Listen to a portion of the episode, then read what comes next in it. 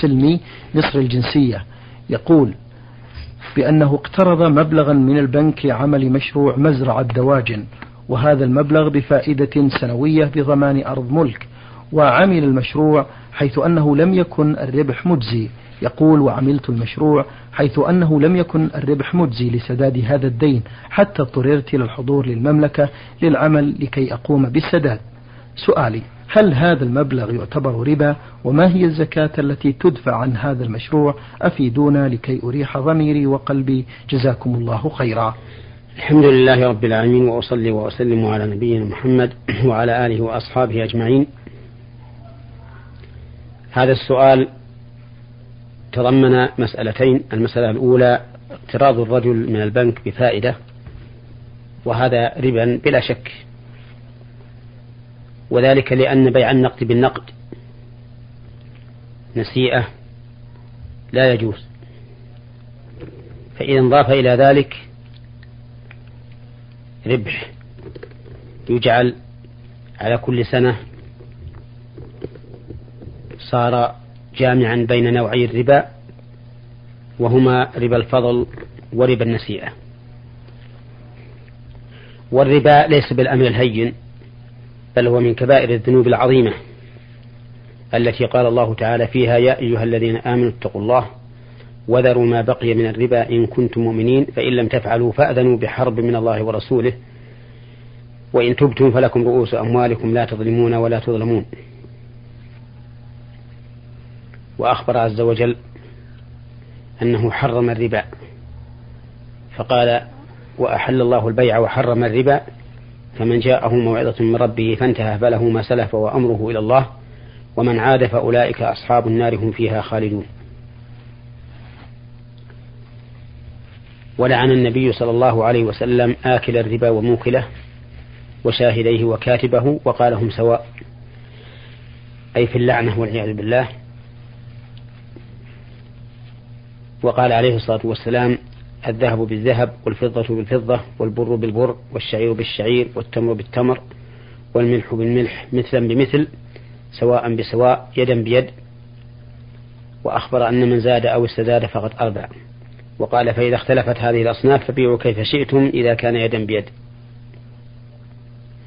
فإذا استقرضت من شخص مالا بفائدة فليس هذا بقرض في الحقيقة ولكنه بيع لأن القرض يقصد به الإرفاق والإحسان وهذا الذي جرى بينكما لا يقصد به الإرفاق والإحسان وإنما يقصد به المعاوضة والربح والتكسب فهو ربا. وعليك أن تتوب إلى الله عز وجل من ذلك وأن لا تعود لمثله. وأما وجوب الزكاة في هذا المشروع فكل ما كان مهيئا للبيع من هذا المشروع فإن فيه الزكاة. أما الآلات والأدوات الباقية فإن التي تستعمل للإنتاج فإنها ليست فإنه ليس فيها زكاة. لأنها ليست عروض تجارة إذ أنها معدة للاستعمال. وقد قال النبي عليه الصلاة والسلام ليس على المؤمن في عبده ولا فرسه صدقة. نعم بارك الله فيكم. هذه رسالة وصلت من محمد أحمد سوداني. المستمع يقول في في سؤاله الأول هل تجوز الموعظة بعد الدفن بعد دفن الميت؟ فنشاهد بعض الإخوان يقومون آه، بالحديث أو بتقديم موعظة بعد آه، الانتهاء من الدفن. علما أن النبي صلى الله عليه وسلم آه، وهل ثبت يقول عن النبي صلى الله عليه وسلم الموعظة قبل الدفن أو بعد الدفن نرجو بهذا إفادة؟ لا أعلم في هذا سنة عن الرسول عليه الصلاة والسلام أنه كان إذا دفن الميت قام يعظ الناس ولكنه صلى الله عليه وسلم إذا فرغ من دفنه وقف عليه وقال استغفروا لأخيكم واسألوا له التثبيت فإنه الآن يسأل.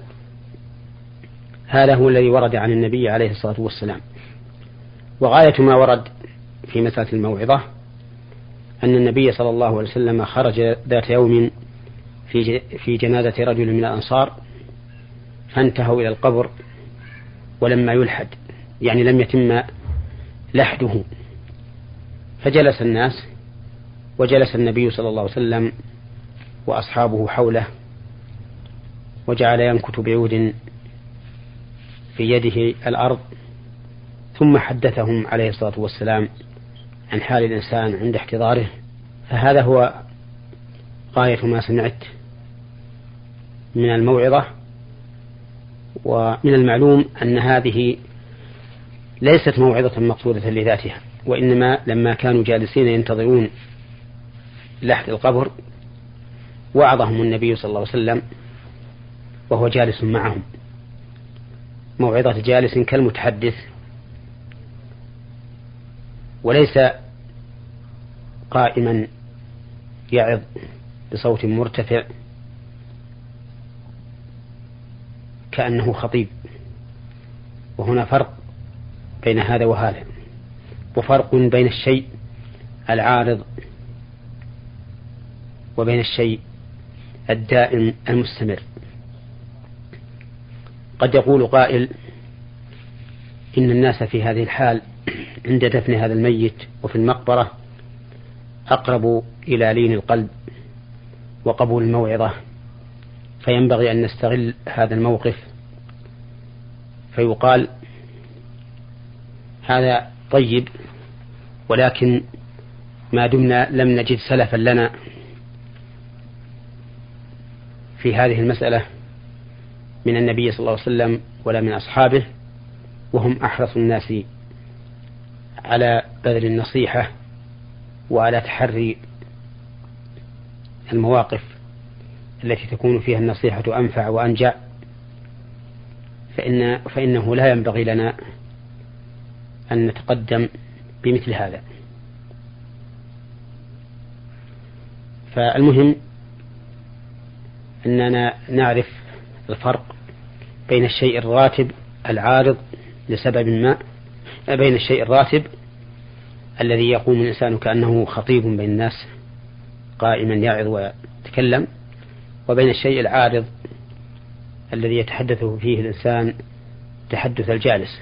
ولهذا نقول لو أن الناس جلسوا ينتظرون لحد القبر وإصلاحه وما أشبه ذلك فتكلم أحد بكلام لمن حوله بما يلين القلب فإن هذا بلا شك لا بأس به. فيجب التفريق بين الشيء العارض والشيء الدائم والشيء الذي يكون بصفة خطيب واعظ والشيء الذي يكون بصفة متحدث يتحدث إلى من حوله. حديث الجالس إلى جلسائه. نعم. بارك الله فيكم. آه، امتداد للسؤال الأول أيضا يقول الموعظة آه، في المآتم عندنا في السودان يجتمع الناس في صنوان ويقصدهم من يريد التعزية. هل الموعظة أيضا في هذه الحالة تجوز؟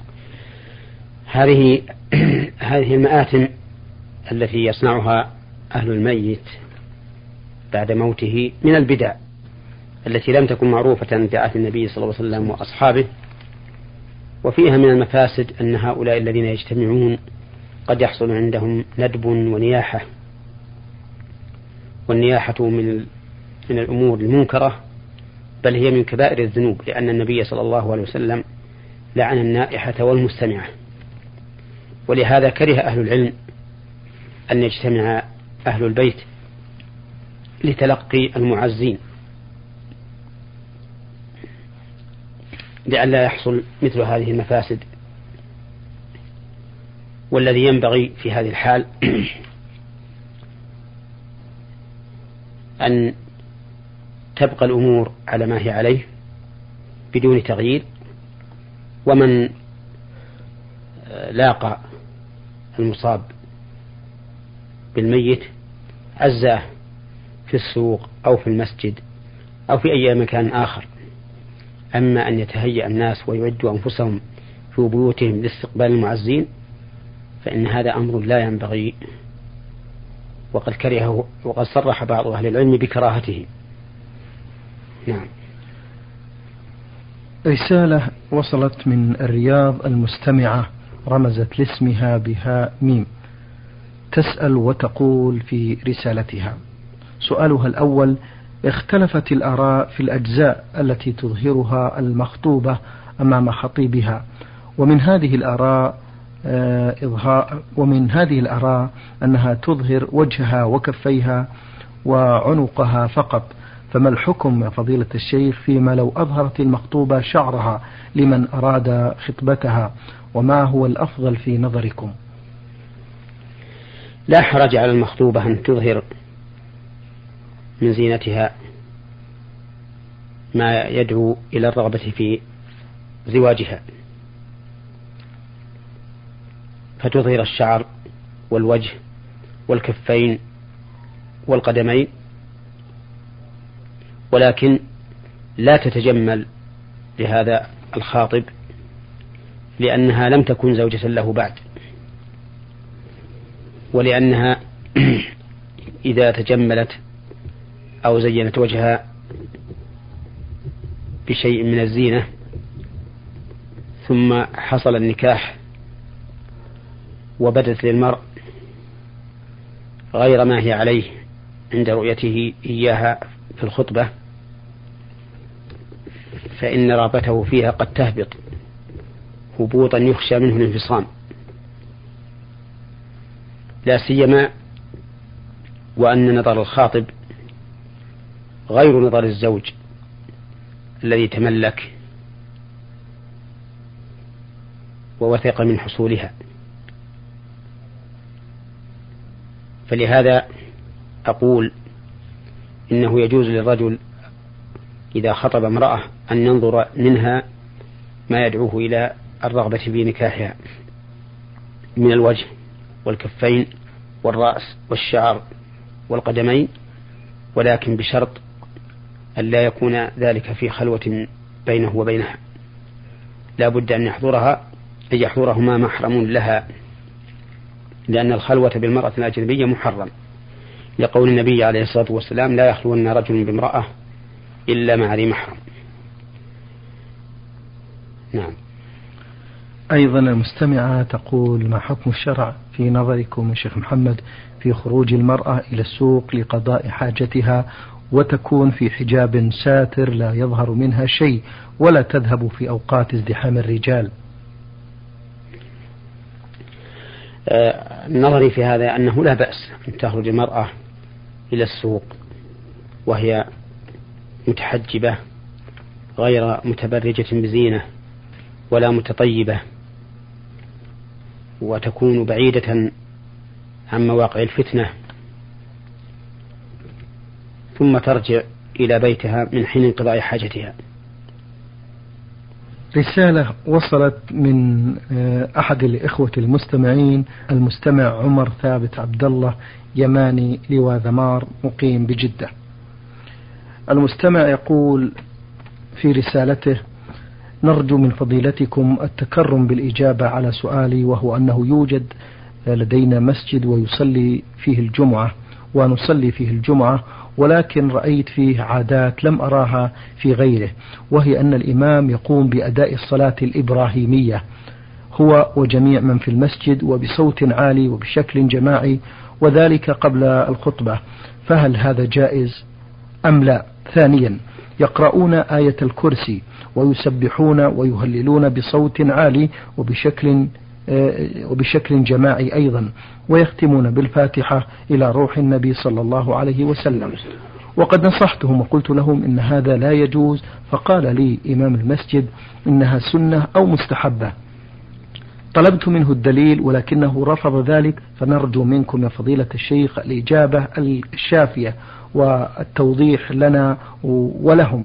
مع العلم بأنني ولله الحمد مستقيم ومتمسك بكتاب الله وسنة رسوله صلى الله عليه وسلم بعيدا عن الخرافات والاعتقادات الباطلة. نرجو إجابتكم يا فضيلة الشيخ. هذا السؤال تضمن عدة مسائل. المسألة الأولى الصلاة الإبراهيمية قبل الخطبة من الإمام ومن في المسجد بصوت جماعي. والصلاة الإبراهيمية هي اللهم صل على محمد وعلى آل محمد كما صليت على إبراهيم وعلى آل إبراهيم إنك حميد مجيد. اللهم بارك على محمد وعلى آل محمد كما باركت على إبراهيم وعلى آل إبراهيم إنك حميد مجيد. وهذه الصلاة الإبراهيمية إذا أتى بها الإنسان كما وصف السائل قبل الخطبة بصوت جماعي فقد فعل بدعة لم يفعلها رسول الله صلى الله عليه وسلم ولا أصحابه. وقد قال النبي عليه الصلاة والسلام محذرا أمته إياكم ومحدثات الأمور فإن كل بدعة ضلالة وكل ضلالة في النار. والمشروع لأهل المسجد قبل مجيء الإمام أن يشتغلوا بالصلاة وقراءة القرآن والذكر كل على انفراده. بدون أن يجتمعوا على ذلك. وأما الإمام فالمشروع في حقه إذا دخل أن يسلم أول ما يدخل على من حول الباب ثم يصعد المنبر ويتوجه إلى الناس فيسلم عليهم عامة ثم يجلس إلى فراغ الأذان ثم يقوم فيخطب الخطبة الأولى ثم يجلس ثم يخطب الخطبة الثانية ثم ينزل فيصلي بالناس. هذا هو المشروع للإمام في يوم الجمعة. ولا ينبغي للإمام أن يتقدم إلى المسجد قبل حلول وقت الخطبة والصلاة كما يفعله بعض الناس المحبين للخير الذين يرغبون في السبق إلى الطاعات. وذلك لأن النبي صلى الله عليه وسلم لم يكن يفعل هذا. لم يكن يتقدم إلى المسجد في يوم الجمعة لينتظر الخطبة والصلاة. وخير الهدي هدي محمد صلى الله عليه وسلم فالذي ينبغي للإنسان أن يكون متحريا هدي رسول الله صلى الله عليه وسلم فإنه خير الهدي. أما الجماعة الذين ينتظرون الإمام فإنهم كلما تقدموا إلى الجمعة كان ذلك أفضل. كما ثبت عن النبي عليه الصلاة والسلام أن من راح في الساعة الأولى فكأنما قرب بدنه ومن راح في الثانية فكأنما قرب بقرة ومن راح في الثالثة فكأنما قرب كبشا أقرا ومن راح في الرابعة فكأنما قرب دجاجة ومن راح في الخامسة فكأنما قرب بيضة. وأما المسألة الثانية مما تضمنه هذا السؤال فهي قراءة الفاتحة والذكر بعد الصلاة. وقراءة آية الكرسي بصوت مرتفع جماعي وهذا أيضا من البدع. فإن المعروف عن النبي صلى الله عليه وسلم وأصحابه أنهم بعد الصلاة يذكرون الله تعالى بصوت مرتفع ولكن كل واحد منهم يذكر الله تعالى على انفراده دون أن يشتركوا. فرفع الصوت بالذكر بعد الصلاة صلاة الجمعة أو غيرها من الصلوات المفروضة سنة كما صح ذلك في البخاري عن ابن عباس رضي الله عنهما قال, قال كان رفع الصوت بالذكر حين ينصرف الناس من المكتوبة على عهد النبي صلى الله عليه وسلم. وأما قراءة الفاتحة سواء كان ذلك سرا أو جهرا فلا أعلم فيه حديثا عن النبي صلى الله عليه وسلم وإنما ورد الحديث بقراءة آية الكرسي وقل هو الله أحد والمعوذتين فقط. نعم. بارك الله فيكم شيخ محمد. آه المستمع أخوكم في الله إبراهيم آه يسأل ويقول عن معنى الحديث. الذي رواه أبو هريرة رضي الله عنه قال قال رسول الله صلى الله عليه وسلم الدنيا سجن المؤمن وجنة الكافر. يقول ما معنى هذا الحديث؟ معنى هذا الحديث أن الدنيا مهما عظم نعيمها وطابت أيامها وزهت لساكنها فإنها للمؤمن بمنزلة السجن لأن المؤمن يتطلع إلى نعيم أفضل وأكمل وأعلى. وأما بالنسبة للكافر فإنها جنته لأنه ينعم فيها وينسى الآخرة. ويكون كما قال الله تعالى فيهم والذين كفروا يتمتعون ويأكلون كما تأكل الأنعام والنار مثوى لهم. والكافر إذا مات لم يجد أمامه إلا النار والعياذ بالله وويل لأهل النار. فلهذا كانت الدنيا على ما فيها من التنغيص والكدر والهموم والغموم كانت بالنسبة للكافر جنة لأنه ينتقل منها إلى عذاب إلى عذاب النار والعياذ بالله فكانت له بمنزلة الجنة. ويذكر عن ابن حجر العسقلاني رحمه الله صاحب فتح الباري وكان هو قاضي قضاة مصر في وقته. كان يمر بالسوق على العربة في موكب فاستوقفه ذات يوم رجل من اليهود وقال له إن نبيكم يقول إن الدنيا سجن المؤمن وجنة الكافر. وكيف ذلك؟ وأنت في هذا الترف والاحتفاء وهو يعني نفسه يقوله اليهودي في غاية ما يكون من الفقر والذل. فكيف ذلك؟ فقال له ابن حجر رحمه الله أنا وإن كنت فيما ترى من الاحتفاء والخدم فهو بالنسبة لما يحصل للمؤمن من نعيم الجنة كالسجن. وأنت فيما أنت فيه من هذا الفقر والذل بالنسبة لما يلقاه الكافر في النار بمنزلة الجنة. فأعجب اليهودي هذا اليهودي هذا الكلام وشهد شهادة الحق. قال أشهد أن لا إله إلا الله وأشهد أن محمدا رسول الله. نعم.